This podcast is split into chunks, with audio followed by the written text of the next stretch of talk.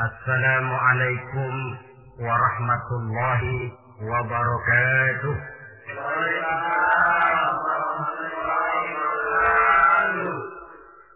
الحمد لله والصلاة والسلام على سيدنا رسول الله سيدنا ومولانا محمد بن عبد الله وعلى آله وصحبه ومن تبعه ووالاه. سبحانك لا علم لنا إلا ما علمتنا إنك أنت العليم الحكيم. لا حول ولا قوة إلا بالله العلي العظيم. أما بعد. Saudara-saudara hadirin kaum muslimin rahimakumullah. Di bulan ini sebagian saudara-saudara kita yang mendapat panggilan Allah untuk melaksanakan ibadah haji telah mulai mempersiapkan diri untuk melaksanakan ibadah yang istimewa ini. Apa keistimewaan daripada ibadah haji? Pertama, ada ibadah yang dititik beratkan kepada kekuatan badan yang disebut ibadah badaniyah. Misalnya puasa atau sholat. Ada pula ibadah itu yang titik beratnya adalah hati yang disebut ibadah qalbiyah. Umpamanya zikir khafi, zikir yang tersembunyi, dan ada juga ibadah itu yang disebut ibadah maliyah. Ibadah yang titik beratnya justru kepada harta. Seperti zakat, infak, atau sodako. Adapun haji, gabungan dari keseluruhannya. Ibadah badaniyah, kalbiyah, maliyah. Badan ikut melaksanakan, hati turut juga, harta pun keluar bahkan kurang salah satu daripadanya, jelas tidak akan bisa terlaksana ibadah ini. Umpamanya, badan sehat, hati pengen benar bikin uang tidak punya, terpaksa bengong. Atau uang ada, badan sehat, tapi hati belum kepengen, barangkali ke New York sampai, ke London, Paris, mondar mandir, tapi ke Mekah nggak bisa sampai. Lantaran hati itu yang memang belum pengen. Jadi ibadah haji ini merupakan gabungan badaniyah, qalbiyah, maliyah. Yang kedua, ibadah-ibadah yang lain jika sudah sampai waktunya bisa dikerjakan di berbagai tempat Ramadan kalau sudah masuk waktunya mau puasa di Jakarta bisa, di Bandung boleh, di Bogor pun jadi. Zakat kalau sudah sampai haul dan nisabnya mau dikeluarkan di rumah bisa, di kantor pun boleh. Tidak demikian dengan haji. Dia hanya bisa dikerjakan pada waktu tertentu dan di tempat yang tertentu juga. Kan belum pernah kita dengar orang pergi haji ke Cengkareng. Waktunya tertentu, tempatnya pun tertentu juga. Ini keistimewaan daripada ibadah haji. Oleh karena demikian istimewanya ibadah ini, Allah Subhanahu wa taala mendorong melalui lisan baginda Rasulullah sallallahu alaihi wasallam di mana Nabi bersabda al-hajjul mabrur laisa lahu illa al-jannah bahwa haji yang mabrur tidak ada balasan lain dari Allah kecuali surga. Pada kesempatan ini saya ingin ikut menitipkan pesan dan kesan kepada saudara-saudara kita yang akan menunaikan ibadah haji. Apa yang sebaiknya dipersiapkan? Pertama, dan ini yang terpenting, niat. Dengan meninggalkan tanah air menuju Makkah, Madinah, kita bukan turis. Bukan mau pergi piknik. Jangan ada niat lain selain niat ibadah karena Allah. Walaupun kita bertemu dengan tempat yang baru, pengalaman yang baru, teman yang baru. Tapi niat pertama untuk ibadah karena Allah. Kenapa niat ini penting? Kadang-kadang maklumlah begitu turun di Jeddah, masuk ke pasar, sudah virus yang dicari, permadani yang dibeli, padahal haji belum lagi mulai. Sudah cincin diributi.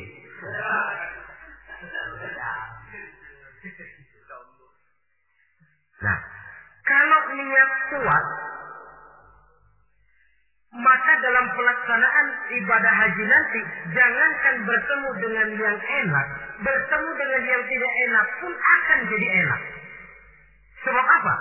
Maaflah saudara, kalau mau dicari kenikmatan biologis dalam ibadah haji hampir tidak ada.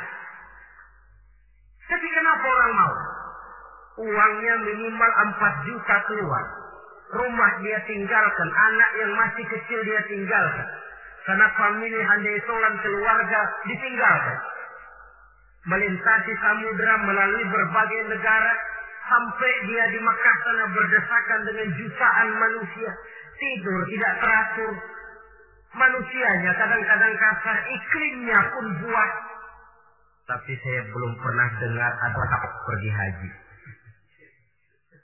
Tidak pernah pulang pulang haji lalu ditanya Pak Haji bagaimana di Mekah ah, buat tobat lagi-lagi. Belum pernah ada. Belum pernah ada. Malahan yang sering kita dengar, bagaimana Pak Haji? Ya Allah Ustaz, pada waktu saya melakukan tawaf wida, mengucapkan selamat tinggal kepada Ka'bah, akan kembali ke kampung halaman dengan air mata berurai membasahi pipi tanpa terasa. Dikala itu batin saya menjerit, Ya Allah, kapan saya bisa kembali kemari lagi? Pulang saja belum, sudah mikirin mau kembali. Apa yang dirasakan? Kebahagiaan batin karena niat kuat lantaran bisa menjawab panggilan Allah. Bahagia, batin bahagia, penderitaan badan tidak terasa. Ini yang harus digarisbawahi. Kalau hati bahagia, penderitaan badan tidak terasa. Kita ambil contoh. Ibu kita, dikala melahirkan kita, pilihan cuma dua. Kalau tidak hidup, mati. Betul apa betul?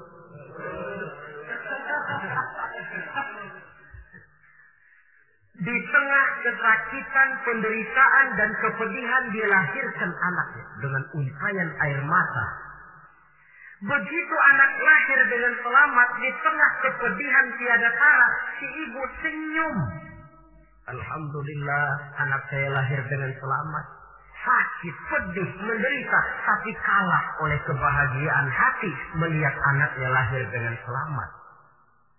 Kan gak ada ibu begitu anaknya lahir lalu ditunjuk gara-gara kamu sialan. Gak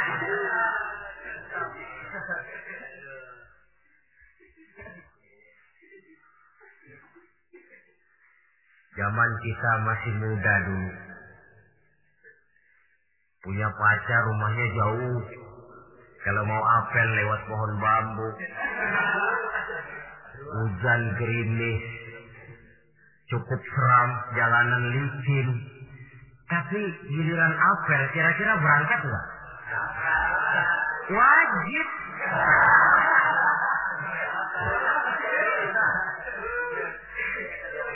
Hilang rasanya itu jauh.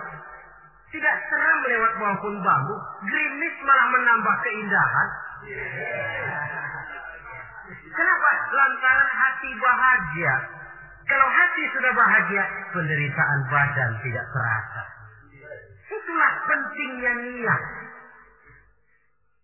Kalau memang niat lemah, yang dekat pun terasa jauh. Tapi kalau niat kuat, yang jauh akan terasa menjadi dekat. Dan oleh karena niat kuat, Allah akan memberikan jalan. Yakinlah itu. Saudara, ketika saya melaksanakan ibadah haji, Saya bikin haji ifrat. Masuk Mekah itu orang sudah berkumpul di Mekah. Tapi saya memang punya niat kuat. Bagaimanapun di dalam tawaf saya harus bisa mencium hajarul aswad. Padahal manusia jutaan. Saya tawaf berdesak-desakan dengan jutaan orang. Niat kuat. Saya harus bisa mencium hajar aswad.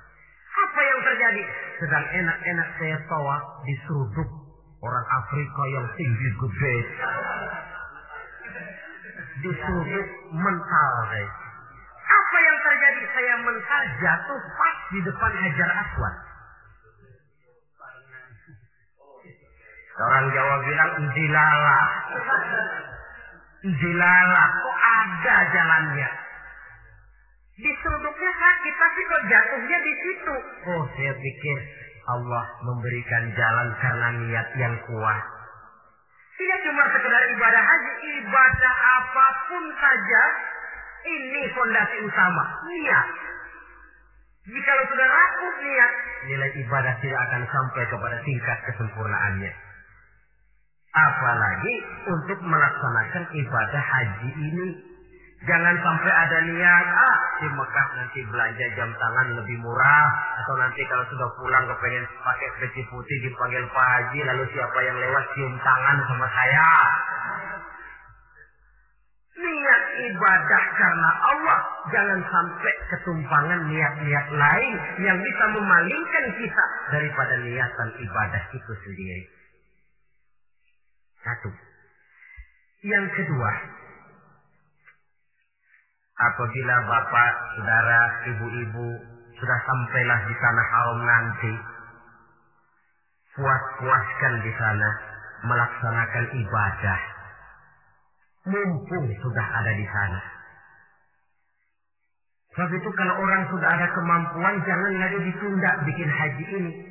Nabi Aisyah betul itu. Man kana lahu sa'ah falam yahus falyamut in sya'a yahudiyan wa in kana nasraniyan. Apabila orang sudah memiliki kemampuan untuk berhaji tidak dia laksanakan, dia boleh pilih mau mati secara Nasrani atau Yahudi. Imam Syafi'i berkata boleh juga ditunda sampai tahun depan, tapi dengan catatan. Pertama, jangan putus niat. Selalu niat bahwa tahun depan dia mau pergi haji. Yang kedua, ini yang berat, dia tidak boleh mati pada tahun itu. Ya kalau niat tidak putus boleh lah. Tapi kalau tidak mati tahun itu, ini kan mesti bikin perjanjian sama malaikat maut ini. Repot. Mumpung ada di tanah haram, apalagi di tempat-tempat yang mustajabah, di mana doa dijawab Allah, kuatkan diri melaksanakan ibadah. Mumpung ada di sana. Kapan lagi mau mengejar keuntungan sebesar itu? Satu rakaat di Masjidil Haram sama nilainya dengan seratus ribu rakaat di masjid-masjid lain. Tahun depan belum tentu kita bisa kembali lagi. Kalau kata rezeki ada tapi umur belum tentu ada. Kalau kata umur sampai tapi rezeki belum tentu ada. Mumpung ada panggilan sudah sampailah kita di sana. Pusing-pusing dikit berangkat ke masjid. Capek-capek dikit berangkat ke masjid. Puaskan hati dan diri melaksanakan ibadah. Kalau malas yang diperturutkan, kan rugi sudah buang waktu, tenaga, harta, tapi nilai ibadah tidak seperti yang diharapkan. Jadi yang kedua, mumpung ada di sana, puas-puaskan diri melaksanakan ibadah. Yang ketiga, kalau nanti sudah sampai di tanah haram, entah di Mekah dan Madinah, Orang bilang Mekah Madinah itu taman mini akhirat.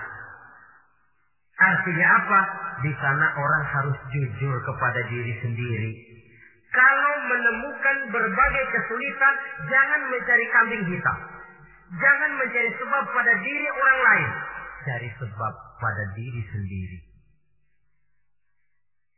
Kalau di sini kan kita bisa saja berkata, gara-gara lu sih begitu, gue jadi begini. Orang lain kita kambing hitamkan. Di sana kalimat macam itu tidak berlaku. Semua kesulitan, semua hal-hal yang tidak menyenangkan yang menimpa kita, carilah sebab di dalam diri sendiri. Itu obat yang paling mujarab. Sebab kita ke sana memang dengan pengakuan segala dosa. Seperti kata Abu Nuwas dalam syairnya, Ilahi abdukal asi ataka. Wahai Allah, hambamu yang penuh maksiat berlumur noda dan dosa ini datang menghadapmu ya Allah. Memohon ampunan dan taubat dari seluruh dosa. Kata perbuatan yang tidak terkontrol akan mendatangkan kesulitan dan obatnya tidak lain taubat. Saya punya seorang teman. Dia di sini nggak pernah ke mana-mana. Begitu masuk Mekah jalan-jalan melulu. Temennya kasih tahu, Ji, jangan jalan-jalan melulu, nanti susah dicari kalau ada perlu. Eh, nepuk ada. Anak Betawi nih nggak bakalan keder katanya. Sudah selesai dia jalan-jalan mau kembali ke rumahnya, putar-putar nggak pernah ketemu tempat dia tinggal. Sampai dua hari. Akhirnya dia bertemu seorang syekh, tuan syekh, bagaimana saya ini? Sudah dua hari mau pulang nggak ketemu rumah. Nah kamu memangnya kenapa? Dia pikir-pikir saya juga sih lidah ini nggak terjaga. Pakai nepuk dada nggak bakalan salah jalan lah, nggak bakalan keder lah. Nah, sana kau masuk Masjidil Haram, tawaf, sembahyang sunnah, sujud di depan Ka'bah, akui dosa dan kesalahan. Dia masuk tawaf, sholat sunnah, sujud di hadapan Allah, mengakui kesalahannya, keluar dari Masjidil Haram, kelihatan rumahnya. Itu yang saya maksud taman mini akhirat. Baik kata, baik perbuatan harus dijaga, dikontrol. Jangan sampai masuk dalam apa yang dipesankan Allah. La rafasa wa la fusuqa wa la jidala fil haj. Di dalam melaksanakan ibadah haji itu, jangan sampai ada rafas. Rafas, kata-kata kotor, kata-kata yang bisa menimbulkan rangsangan. Fusuk, kata-kata yang keji, atau kata-kata yang sifatnya menyesali amalan umpamanya coba gua nggak pergi haji 4 juta dibeliin bajai tinggal kan tinggal nungguin setoran. Ini masuk kusuk. Masuk kusuk juga. Wala jidar pertengkaran. Maklumlah suhunya panas. Dalam kondisi panas temperatur mudah naik. Orang peka sedikit tersinggung mudah marah lantaran air, lantaran makan, lantaran tunggu menunggu, bisa menimbulkan kemarahan. Oleh karena itu sekali lagi pesan saya yang ketiga orang di sana harus jujur kepada diri sendiri. Jangan mencari kambing hitam kalau menemukan kesalahan, tapi carilah sebab di dalam diri kita masing-masing. Yang keempat, kalau sudah berkumpul kita dengan jutaan umat Islam di Mekah, di Madinah, tidak usah usil dengan amalan orang lain. Sebenarnya tidak cuma di sana, di sini pun seharusnya kita begitu. Tapi akan lebih real kalau kita lihat di sana. Kenapa? Akan macam-macam tingkah orang yang sholat itu. Ada yang sholat selesai takbir, tangannya berlenggang-lenggang saja. Ada yang sholat, malah saya pernah lihat sholat sambil gendong anak. Ada pula saya saksikan di sebelah saya, sebelah saya betul. Dia bawa sebotol air zam-zam, dia sholat. Botol zam-zam ditaruh di sampingnya. Waktu dia lagi ruku, botolnya ketendang orang. Menggelinding ke depan. Sambil ruku dia samperin tuh botol. Dia ambil, dia taruh lagi di sampingnya, dia terusin sholatnya. Apa lalu kita harus mencak-mencak sampean sholat begitu tidak betul? Oh. Kembalikan saja kepada ajaran Allah lana a'maluna walakum a'malukum. Kami akan mengerjakan amalan yang kami yakini benarnya. Tuhan pun persilakan mengamalkan amalan yang Tuhan yakini benarnya. Tidak usah usil dengan amalan orang. Ini juga seharusnya kita wujudkan dalam kehidupan di sini. So apa? Maaf. Dalam proses perkembangan Islam di Indonesia, dia tidak pernah sunyi dari orang yang tidak senang melihat dia tumbuh dan berkembang dengan pesat. tentu berusaha bagaimana memporak-porandakan Islam ini.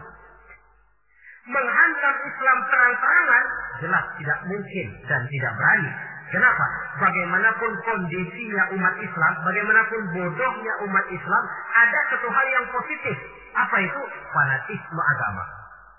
Dia masih sanggup ngomong, mas, gua emang kagak sembahyang, tapi agama gua lu acak-acak gua bacok.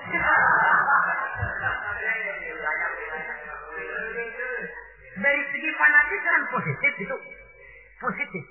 Maka orang pun lalu tidak berani menghantam Islam dengan membuka front secara terbuka. Mau menghantam Islam, mereka belajar dari Van der Plas, dari Dr. Groya, masuk ke tengah-tengah umat Islam.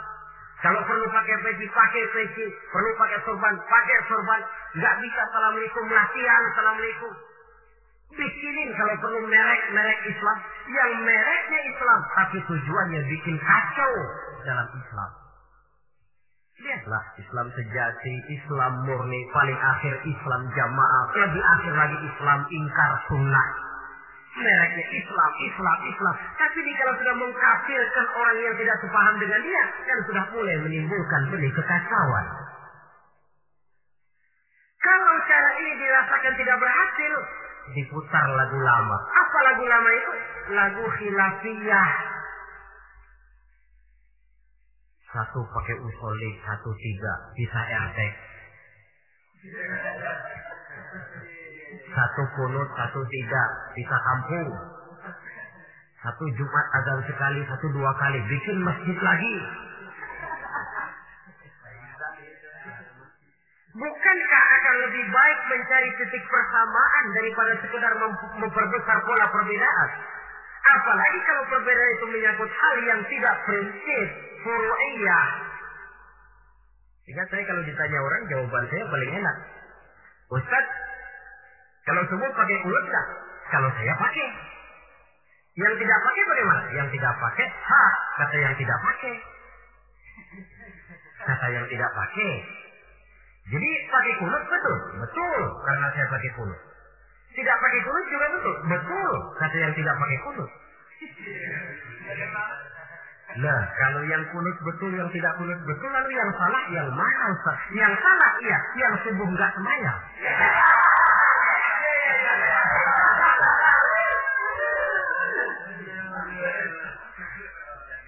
Daripada ribut kita mempertengkarkan kunut kan lebih baik membicarakan bagaimana teman-teman kita yang belum subuh supaya sholat subuh. Proyek garapannya ada, sasarannya jelas.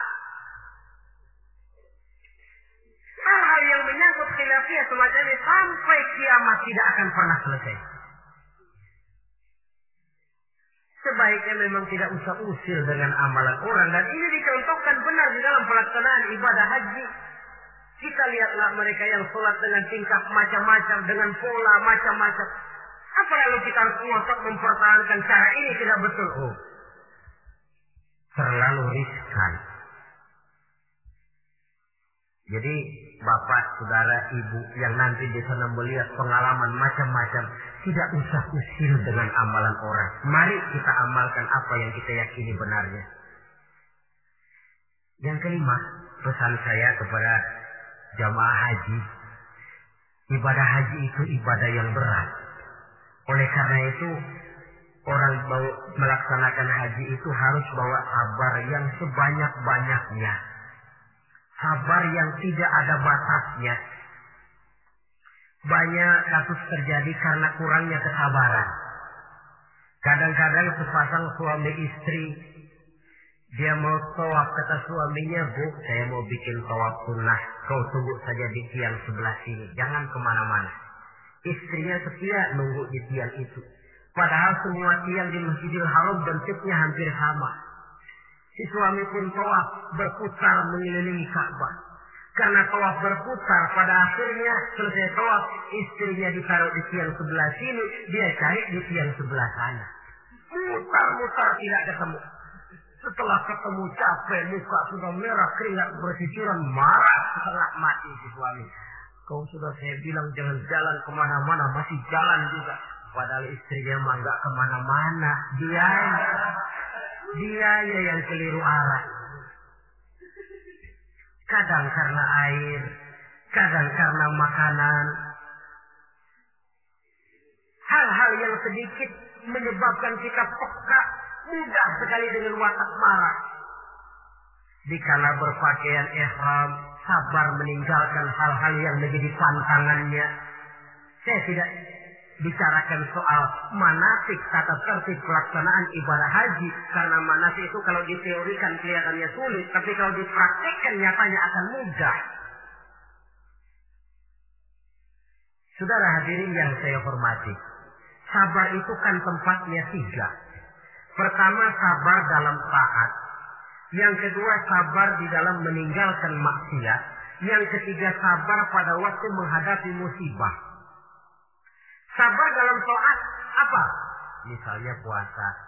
Biar lapar melilit perut, biar haus mencekik kerongkongan. Kalau maghrib belum berbunyi, jangan sentuh makanan. Sabar dalam toat. Begitu juga kita ketika terbungkus pakaian ihram.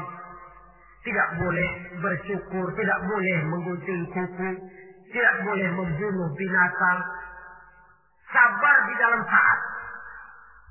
Yang kedua sabar dalam meninggalkan maksiat. Umpamanya, kita tadinya penggemar minuman keras. Taubat. Meninggalkan minuman keras. Itu pun perlu kesabaran. Sebab apa? Orang macam-macam. Dia tahu kita bekas peminum. Diledeklah kita. Yuk minum yuk. Alah sekarang aja. Kemarin kan lo yang sukongin. Yang kemarin memerlukan kesabaran. Yang ketiga sabar pada waktu menghadapi musibah, kesulitan. Apa konsepsi sabar yang hakiki dalam Islam? Sabar yang dijelaskan dalam Al-Quran ialah alladzina idza asabathum musibah qalu inna lillah wa inna ilaihi raji'un. Orang yang sabar ialah orang yang apabila terkena suatu musibah kembali kepada prinsip dasar inna lillah wa inna ilaihi raji'un. Kami berasal dari Allah dan kami akan kembali kepada Allah. Bukan cuma pengucapannya tapi penghayatannya. Kalau suatu saat kita terkena musibah, kembali kepada konsepsi dasar Inna lillahi wa inna ilaihi raji'un. Kami berasal dari Allah dan kami akan kembali kepada Allah. Bukan cuma sekedar ucapannya, tapi penghayatan kepada kalimat itu. Misalnya apa? Kalau suatu saat kita kehilangan harta, kembali kepada inna lillah. Dulu pun ketika saya hadir ke alam ini saya tidak bawa harta. Kalau sekarang hilang, inna lillah wa inna ilaihi raji'un. Kalau suatu saat kita harus melepaskan pangkat dan jabatan yang kita cintai, kembali kepada konsep innalillah. Dulu pun ketika lahir ke alam ini tidak ada pangkat dan jabatan yang saya bawa. Kita kadang-kadang dapat musibah, ditinggal mati, sedih, innalillahinya tidak mau berhenti dari mulutnya, tapi nangisnya pun juga tidak mau berhenti juga. Penghayatan kepada kalimat itu yang berkurang. Jadi jikalau sadarlah kita, kita dari Allah kembali kepada Allah. Dalam kata kita ini termasuk pangkat, jabatan, harta, semua yang kita miliki. Dari Allah berasal kepada Allah juga dia kembali. Artinya sudah satu punya punya satu fondasi menghadapi musibah. Sebab beratnya suatu pukulan akan terasa agak ringan kalau kita sudah siap. Ketimbang kita tidak siap. Walaupun bobot pukulannya sama. Karena itu melaksanakan ibadah haji harus dilantar belakangi dengan kesabaran yang hampir tidak ada batasnya. Inilah pesan saya. Kemudian kesan-kesan yang kita dapatkan dari pelaksanaan ibadah haji, saudara. Pertama, dengan melaksanakan ibadah haji itu kita akan melihat langsung sumber tempat timbulnya agama melihat tempat di mana Rasulullah dilahirkan, melihat tempat di mana wahyu pertama kali diturunkan, melihat tempat medan terjadinya perang Badar, perang Uhud, dari menyaksikan langsung tempat timbulnya agama, timbul as-tamalluk ad-diniyah, rasa memiliki agama, sense of belonging. Rasa kecintaan kepada agama dengan mengadakan analogi dan perbandingan. Ya Allah, para sahabat dulu. Karena iman yang dijaga, karena agama yang dibela, mereka hijrah dari Makkah ke Madinah. 450 kilo lebih menempuh perjalanan gurun pasir yang gersang dan tandus. Zaman itu kendaraan paling deek ontak.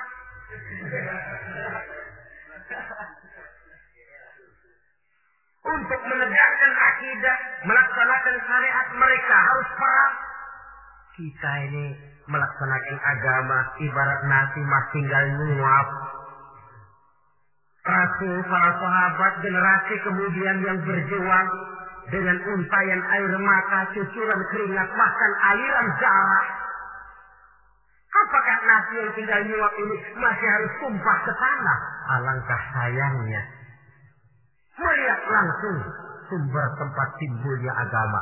Ada rasa kebanggaan, ada rasa tanggung jawab.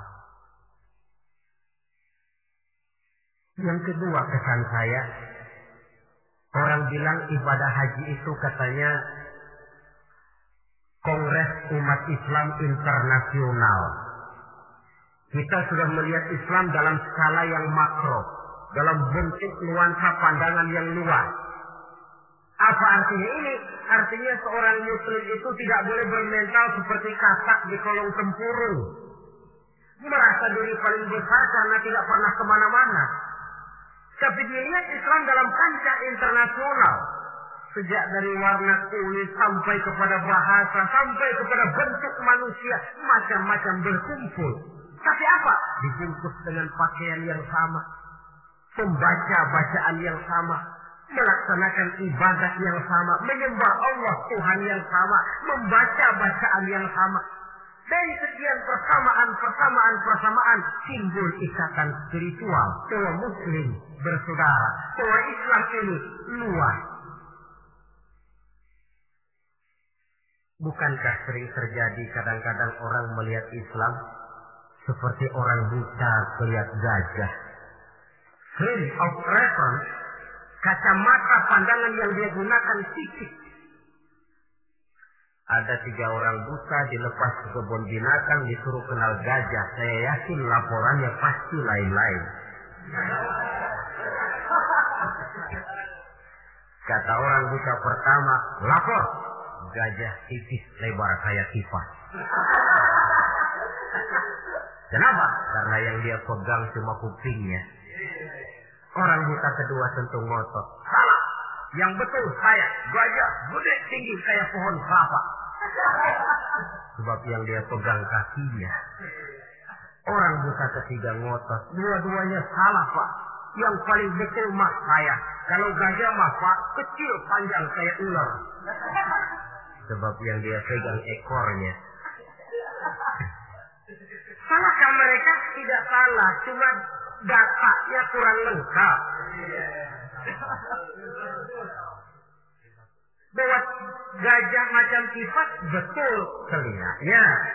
Bahwa gajah macam ular betul ekornya. Tapi gajah secara total adalah gajah yang bukan kipas, bukan ular, bukan pula pohon kelapa. Ini yang fisik dan tidak menjadi kadang-kadang baru kenal kuping gajah, ke mana-mana sudah pidato. Saudara-saudara gajah tipis lebar kayak kipas. Diundang lagi ke tempat sebelah sana, begitu lagi pidatonya buat orang yang sudah kenal gajah dia diketawain. Belum buat orang yang belum kenal gajah dia malah menyesatkan. Dua-duanya sama tidak mendidiknya. Nuansa pandangan yang luas. Yang ketiga, kesadaran hidup. Dari mana ini dimulai? Dari pertanyaan dikala kita merenung di padang Arafat yang terhampar luas membentang sejauh mata memandang cuma tenda-tenda putih dua yang nampak. Hmm. Dari mana kita datang? Di mana kita sekarang? Mau ke mana kita akan pulang? Dikala itu air mata berurai membasahi sisi tanpa terasa. Inilah barangkali taman miliknya padang mahsyar di akhirat nanti di mana kita melepaskan semua status sosial, dikala itu jenderal tidak akan dipanggil jenderalnya, Di kala itu yang intelek dan yang awam tidak tahu lagi kita. Di kala yang kaya dan yang miskin sudah sulit dibedakan. Bukankah itu pantulan daripada kehidupan yang pasti akan kita temui? Lalu dunia ini apa? Persis kalau diibaratkan dunia ini cuma sekedar sebuah panggung sandiwara. Sang sutradara Allah subhanahu wa ta'ala. Penonton malaikat. Panggung sandiwaranya dunia ini. Pemainnya seluruh manusia. Skenario-nya Quran dan Sunnah. Sutradara berjanji kepada pemain-pemain yang bermain dengan baik sesuai dengan petunjuk dalam skenario Quran dan Sunnah akan diberikan piala citra berupa surga. Tapi mereka yang menyimpang dari teks skenario sampai panggung sandiwara kacau, mereka pun akan mendapat imbalan yang sesuai. Saya Ustaz, ini peran saya dalam panggung sandiwara dunia ini. Saudara pegawai, saudara pedagang, saudara seniman, peran yang sedang kita pegang. Peranan kita pasti akan selesai dengan dua kemungkinan. Pertama, memang skenario nya mengharuskan peranan kita sampai di situ. Selesai. Itu apa itu? Ajal. Yang kedua, panggung sandiwaranya yang memang sudah harus dibongkar. Apa itu? Kiamat. Jikalau panggung sandiwara ini sudah dibongkar, jikalau dalam teks memang peranan kita sudah habis sampai di situ, kembalilah kita kepada sang sutradara. Apa lagi yang kita bawa? Kata Nabi, yutba'ul mayyitu salasah. Orang jikalau dia mati selesai peranannya yang mengantar ke kuburnya tiga. Ahluhu wa maluhu wa amaluhu hartanya, keluarganya, amalnya. Ngantar dia ke kubur. Tapi yang dua pulang lagi. Siapa yang pulang lagi? Pertama ahluhu, keluarganya. Tidak seorang keluarganya yang bagaimana cintanya kepadanya yang mau ikut masuk ke dalam. Istrinya yang katanya sayang betul sama dia. Yang waktu muda dulu pernah berjanji buat hidup semati di bawah pohon pete dengan senandung irama. Di kala muda dia berkata, Bang, apalah artinya hidup ini tanpa engkau di sisiku, Bang. Hampa, hampa rasanya hidup ini. Tapi ketika suami masuk ke liang lahat, dia akan berkata, sampai sini saja mas saya ngantar emas. Saya rela emas berangkat duluan temannya yang katanya sayang betul sama dia. Waktu kuburnya diuruk paling keras injekin tanahnya.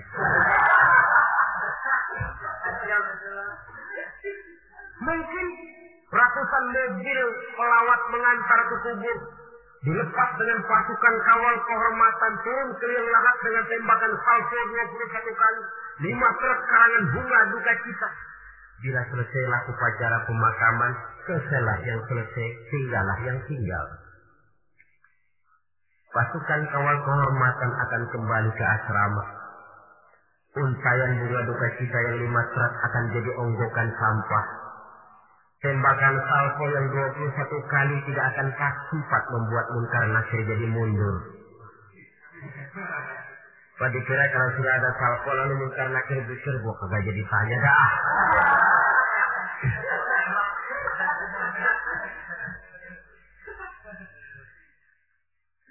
Harta pun tidak ikut masuk ke dalam. Mobil cuma parkir di pelataran tubuh. Yang setia menemani kita the best friend sampai masuk ke dalam itu tidak lain nilai amal yang kita kerjakan di dalam kehidupan ini. Maka hidup hakikatnya kesempatan untuk berbuat amal. Kata Allah, "Wallazi khalaqal mauta wal hayata liyabluwakum ayyukum ahsanu amala." Dialah Allah yang telah menciptakan hidup dan mati untuk menguji kamu siapa di antara kamu yang paling banyak amal kebajikannya. Hidup adalah kesempatan berbuat baik. Nah, satu sosial di padang Arafah saja sudah tidak berlaku. Pernah terjadi Seorang jenderal, dia sedang mencium Hajar Aswad karena terlalu lama kepalanya ditarik orang badu yang itu. Dia marah mau dipukul si badu itu. Eh, sabar pak. Ini orang kurang ajar Ustaz. Saya kan jenderal. Saya belum pernah digitukan orang. Iya, jenderal kan di negara kita, Pak. Di sini kan Ka'bah. Jenderal nggak laku di sini. Di sini ini kita harus jujur kepada diri sendiri. Kalau kepala kita diangkat orang, barangkali kita di sana sering ngepelakin kepala orang. Oh ya, terbuka saja. Memang kita kemarin ini mau membersihkan diri, ibarat baju, kita datang bawa baju kotor berharap pulang mau baju bersih yang bisa disimpan dalam lemari. Tentu saja baju itu mesti dicuci. Dicuci artinya disabuni, digilas, dijemur, disetrika. Wajar menemui kesulitan-kesulitan untuk pemutihan. Pemutihan pribadi yang telah dilumuri oleh dosa dan kesalahan. Saudara hadirin, luasnya nuansa pandangan menyebabkan kita tidak berpikir secara fisik tapi mampu melihat persoalan dari sudutnya yang luas. Itu yang saya rasakan di dalam pelaksanaan ibadah haji. Karenanya saya pernah ke Bali, tapi tidak ada rasa kerinduan pengen ke Bali lagi. Saya pernah ke Jogja, ada orang cerita tentang Jogja, Borobudur, Parangtritis, rasanya kok biasa-biasa saja. Saya pernah ke Mekah, tapi tiap kali orang cerita Ka'bah, tiap kali orang cerita Sa'i, tiap kali orang cerita Wukuf, terbayang kembali semua itu kerinduan untuk kembali lalu menggebu-gebu. Suatu kenikmatan yang tidak bisa dilukiskan dengan kata-kata. Hanya mereka yang sudah melaksanakan yang tahu semua itu. Paling akhir, tentu sekedar kesan kita harapkan Bapak, Saudara, Ibu yang akan melaksanakan haji ini tidak hanya sekedar bisa pergi, tapi kembalilah ke tengah keluarga dengan selamat dan yang paling penting membawa haji yang mabrur. Apa yang haji mabrur itu? Ukuran hakikat haji mabrur itu wallahu a'lam. Allah saja yang maha tahu. Tapi kita bisa lihat zahirnya. Bagaimana zahirnya? Apa kalau haji mabrur itu ke mana-mana tidak pernah lepas peci putih? Mungkin. Apa harus selalu pakai gamis? Mungkin, tapi itu sekedar kulit. Kulit sih bisa dibikin-bikin. Kulit penting, isi penting. Saudara dapat duren di jalanan, isi doang, kulitnya nggak ada. Kira-kira mau makan nggak? Jadi kulit penting, isi penting. Lebih penting daripada kulit adalah isi. Artinya apa? Jiwa haji. Bukan cuma sekedar pakaian haji, tapi berjiwa haji yang ditempa oleh pengalaman di Mekah, Madinah dan di tempat-tempat bersejarah lainnya. Membekas dan membayang dalam gerak hidup kita. Kalau setelah pulang haji lebih positif daripada sebelum dia berangkat. Itu tanda di antara tanda-tanda haji yang mabrur. Sebelum berangkat haji, sholatnya masih agak belang-belang. Setelah pulang haji, full tidak ada belangnya lagi. Sebelum berangkat haji, kulitnya 17 setan. Setelah pulang haji, berubah menjadi orang yang dermawan. Itu tanda mabrur. Sebab apa? Di masyarakat haji ini barometer. Orang sering bilang, kenapa lo maghrib kok nggak ke masjid? Itu aja yang Haji masih di perapatan. Pak Haji katanya. Padahal kan tidak mesti begitu. Tapi masyarakat kadang menilai itu sebagai figur. Ini yang harus kita hati-hati. Makanya tidak heran dalam komposisi rukun Islam ibadah haji diletakkan yang kelima. Kenapa? Sabda Nabi buniyal Islamu ala khamsin. Kalau Islam ibarat rumah, maka rumah ini didirikan di atas lima unsur. Kita bandingkan Islam dengan rumah. Orang kalau mau bangun rumah sebelum pasang tiang, kusen, jendela, kan yang paling dulu dia bikin fondasi. Dalam bangunan Islam fondasinya apa? Ashadu an la ilaha illallah wa ashadu anna Muhammad Rasulullah. Kenapa saya katakan fondasi? Saya bersaksi tidak ada Tuhan melainkan Allah. Artinya apa? Artinya saya tidak akan menyembah kecuali hanya kepada Allah. Saya tidak akan minta tolong kecuali hanya kepada Allah. Saya tidak akan menggantungkan hidup kecuali hanya kepada Allah. Saya tidak akan minta rezeki kecuali hanya kepada Allah. Saya tidak akan pernah takut kecuali hanya kepada Allah. Fondasi. Kalau fondasi keropos, bangunan tidak akan tahan lama. Benar, Tuhan kamu Allah. Betul. Satu juta ya, tidak Tuhan. Ya. Dua juta, dua juta. Sepuluh juta enggak. Sekali Allah Tuhan saya. Sampai titik darah saya yang paling penghabisan. Allah Tuhan saya. Ini fondasi yang mantap. Tapi kalau masih bisa digoncang, masih fondasi rapuh. Tuhan kamu Allah. Ya. Tunggal, tunggal, lam yalid, walam yulad.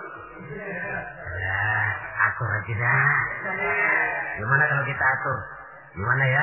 Pikir-pikir dulu. Masih pikir-pikir dulu pun merupakan ciri akan rapuhnya fondasi. Nah, kalau fondasi sudah siap, baru mulai naik pasang tiang. Dalam bangunan Islam yang jadi tiang apa? As-salat, ibaduddin. Salat, tiang agama. Tiang pokok lima. Zuhur, asar, maghrib, isya, subuh. Tapi supaya bangunan ini kuat ada tiang-tiang tambahan. Tahajud, hajat, istikharah, duha. Tiang-tiang tambahan supaya rumah kuat. Tapi jangan lupa tiang diri di atas fondasi. Kalau fondasi miring, tiang ikut miring. Hanya orang sembahyang kan macam-macam. Ada yang harian, ada yang mingguan, ada yang tahunan. Yang harian itu ada yang mulus, ada yang belang-belang. Kalau yang belang zohor kena, asar out. Asar ketangkep, maghrib hilang. Maghrib kepegang, isya terbang. Ada yang mingguan, Jumat aja modal. Ngancam bener kalau sama Jumat. Ada yang tahunan, Idul Fitri sama Idul Adha. Yang tahunan itu lumayan daripada yang polos. Saudara-saudara, fondasi sudah, tiang sudah. Harus rumah supaya ada batasnya kan perlu pagar, dinding. Yang menjadi dinding kata Nabi, asyamu junnatun. Puasa adalah dinding, benteng. Kenapa? Esensi puasa kemampuan mengendalikan nafsu. Kalau orang hidup tidak sanggup dan mampu mengendalikan nafsu, ada benteng, pagar, nggak ngacak-ngacak kebun orang. Tahu batas mana yang dia berhak dan tahu batas mana yang dia tidak punya hak. Kemampuan mengendalikan nafsu. Nah, sudah. Fondasi sudah. Tiang sudah. Pagar sudah. Rumah supaya bersihkan harus ada jendela. Pintu, lubang angin, kamar mandi yang fungsinya membersihkan. Dalam agama yang fungsinya membersihkan zakat. Kalau dia zakat mal, dia bersihkan harta kita. Dia zakat fitrah, bersihkan jiwa kita. Zakat hijab bersihkan tanam-tanaman kita. Makanya kalau orang muslim nggak mau bayar zakat sama juga rumah nggak pakai pintu, nggak pakai jendela, nggak pakai lubang angin, nggak ada kamar mandi, panas, ilham. Kata orang kampungnya. Anak yang kecil itu, adik-adik kita, kalau nggak dibayarin zakat fitrahnya, panas tuh anak, sangar.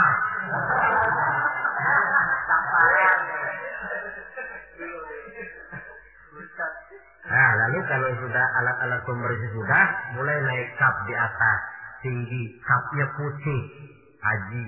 Kalau kita kan masih kap hitam. Kalau sudah naik kap, biasanya rumah itu kan sudah agak adem.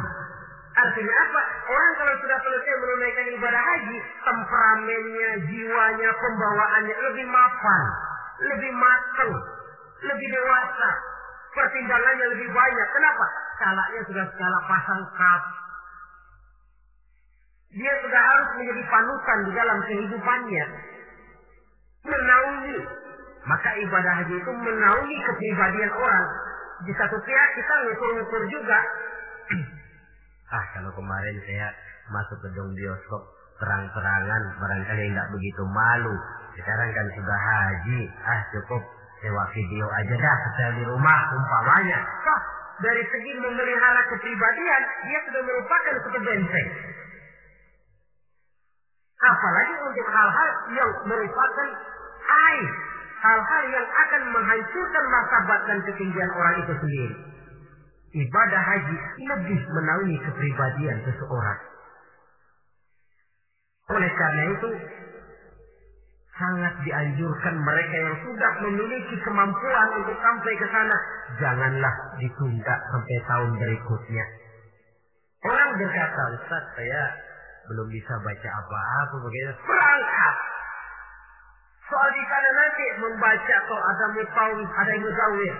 Tawaf kita bisa membaca bukunya, paling kurang ada pembimbingnya. Daripada nunggu hafal semua, saya kira Ustaz juga jarang yang hafal bacaan-bacaan itu. Iya, kalau kalau masih hidup. Tapi kalau sudah keburu mati, sebelum sempat hafal. Contoh saja, tiap putaran tawaf memang bacaannya lain. Putaran pertama baca ini, putaran kedua baca ini. Kalau harus hafal semua kan sulit. Tapi Islam prinsipnya la yukallifullahu nafsan illa wus'aha. Allah tidak pernah memberikan beban kepada seseorang kecuali sesuai dengan batas kemampuannya. Kalau baca sama sekali tidak bisa, baca saja doa sapu jagat. Tiap putaran Rabbana atina fid dunya hasanah wa fil akhirati hasanah wa qina azabannar. Putaran kedua Rabbana atina fid dunya hasanah. Boleh dan sah. Watak hukum Islam ini kan elastis. Tidak kalau sudah begitu ya mesti begitu. Aku tidak. Yang sering kaku kita umat Islam ini. Allah memerintahkan sesuatu. Kalau kemampuan melaksanakan perintah berkurang, stres perintah menurun. Sholat wajib berdiri kalau mampu. Tidak mampu berdiri, duduk sholat sembayangnya.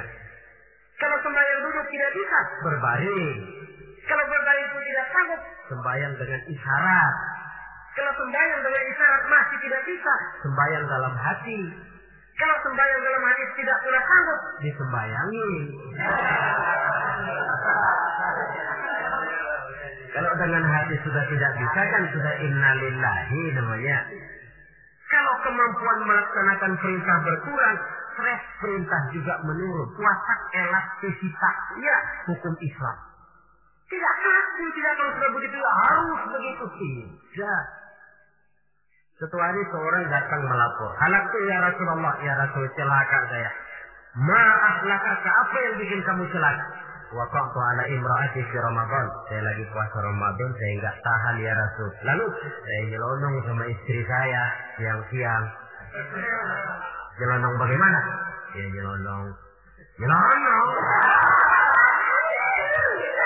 Rupanya pengantin baru pengantin baru. Tapi jujur, salah laku. Ya sudah, kalau memang begitu bayar dendanya. Apa ya Rasul? Bebaskan budak. Waduh, saya tidak punya budak ya Rasul. Betul. Betul. Kau puasa dua bulan bersuruh-suruh, tidak boleh diselang-seling. Enggak kuat ya Rasul. Enggak kuat. Enggak kuat. Betul. Betul. Yang sebulan aja nyelonong. Apalagi yang dua bulan. Dua kali nyelonong. Saya tidak kuat ya Rasul. Tidak kuat, tidak kuat. Ah, beri makan 60 fakir miskin satu orang satu mut. Ya Rasul. Apa lagi? Jangan memberi makan 60 fakir miskin. Istri saya di rumah sehari masak tiga hari libur. Saya orang susah, ya Rasul. Lagian saya pikir ya orang kebangetan juga. Sudah melarat sama larangan kok berani gitu. Akhirnya Rasul masuk ke dalam kamar, keluar kembali membawa sekeranjang kecil kurma. Kalau saya tidak punya apa-apa, nih bawa pulang, sedekahkan kepada orang-orang miskin di kampungmu. Ya Rasulullah, apa lagi?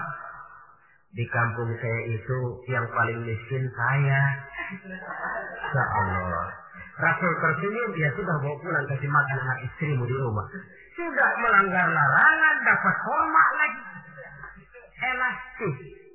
Tidak sudah begitu ya mesti begitu. Tidak. La yukallifullahu nafsan illa usaha. Dalam ayat lain, yuridullahu bikumul yusra wa la yuridu bikumul usra. Allah menginginkan kemudahan kepadamu dan sama sekali Allah tidak menginginkan kesulitan bagi kamu. Dalam surah Toha lebih jelas lagi, Ma anzalna alaikal qur'ana litashqa illa tazkiratan lima yakhsha. Kami tidak turunkan Quran ini untuk bikin sulit hidup kamu. Tidak. Ini cuma peringatan bagi orang-orang yang takut kepada Allah. Quran, Islam, syariat yang dibawa Rasul tidak untuk menyulitkan manusia. Tetapi justru untuk peringatan dan membawa manusia kepada kebahagiaan sejak dari dunia ini sampai ke akhirat nanti. Oleh karena itu, tidak lain tentunya kita ikut mendoakan. Mudah-mudahan saudara-saudara kita yang tahun ini melaksanakan ibadah haji. Semoga mereka selamat pulang perginya, kembali ke tengah-tengah keluarganya dengan membawa haji yang mabrur. Dan kita pun yang tahun ini belum beroleh panggilan, mudah-mudahan tahun depan atau tahun-tahun berikutnya dipanggil Allah supaya kita juga bisa merasakan nikmatnya ibadah di Masjidil Haram, di Masjidil Nabawi dan di tempat-tempat yang mustajabah lainnya. Sekianlah saudara-saudara pertemuan kita pada saat ini. Mudah-mudahan ada manfaatnya. Terima kasih banyak atas segala perhatian. Mohon maaf atas segala kekurangan. Maklumlah ibarat kata pepatah. Wa qad yurja li jarhi bur'un wa la lima jarahal lisan. Kalau sedang lukai tubuh, masih kan ada harapan sembuh. Kalau lidah lukai hati, ke mana obat hendak dicari. Untuk itu saya mohon maaf. Usikum wa nafsi bitaqwallah. Aqulu qawli hadha. Fa astaghfirullahal azim li wa lakum.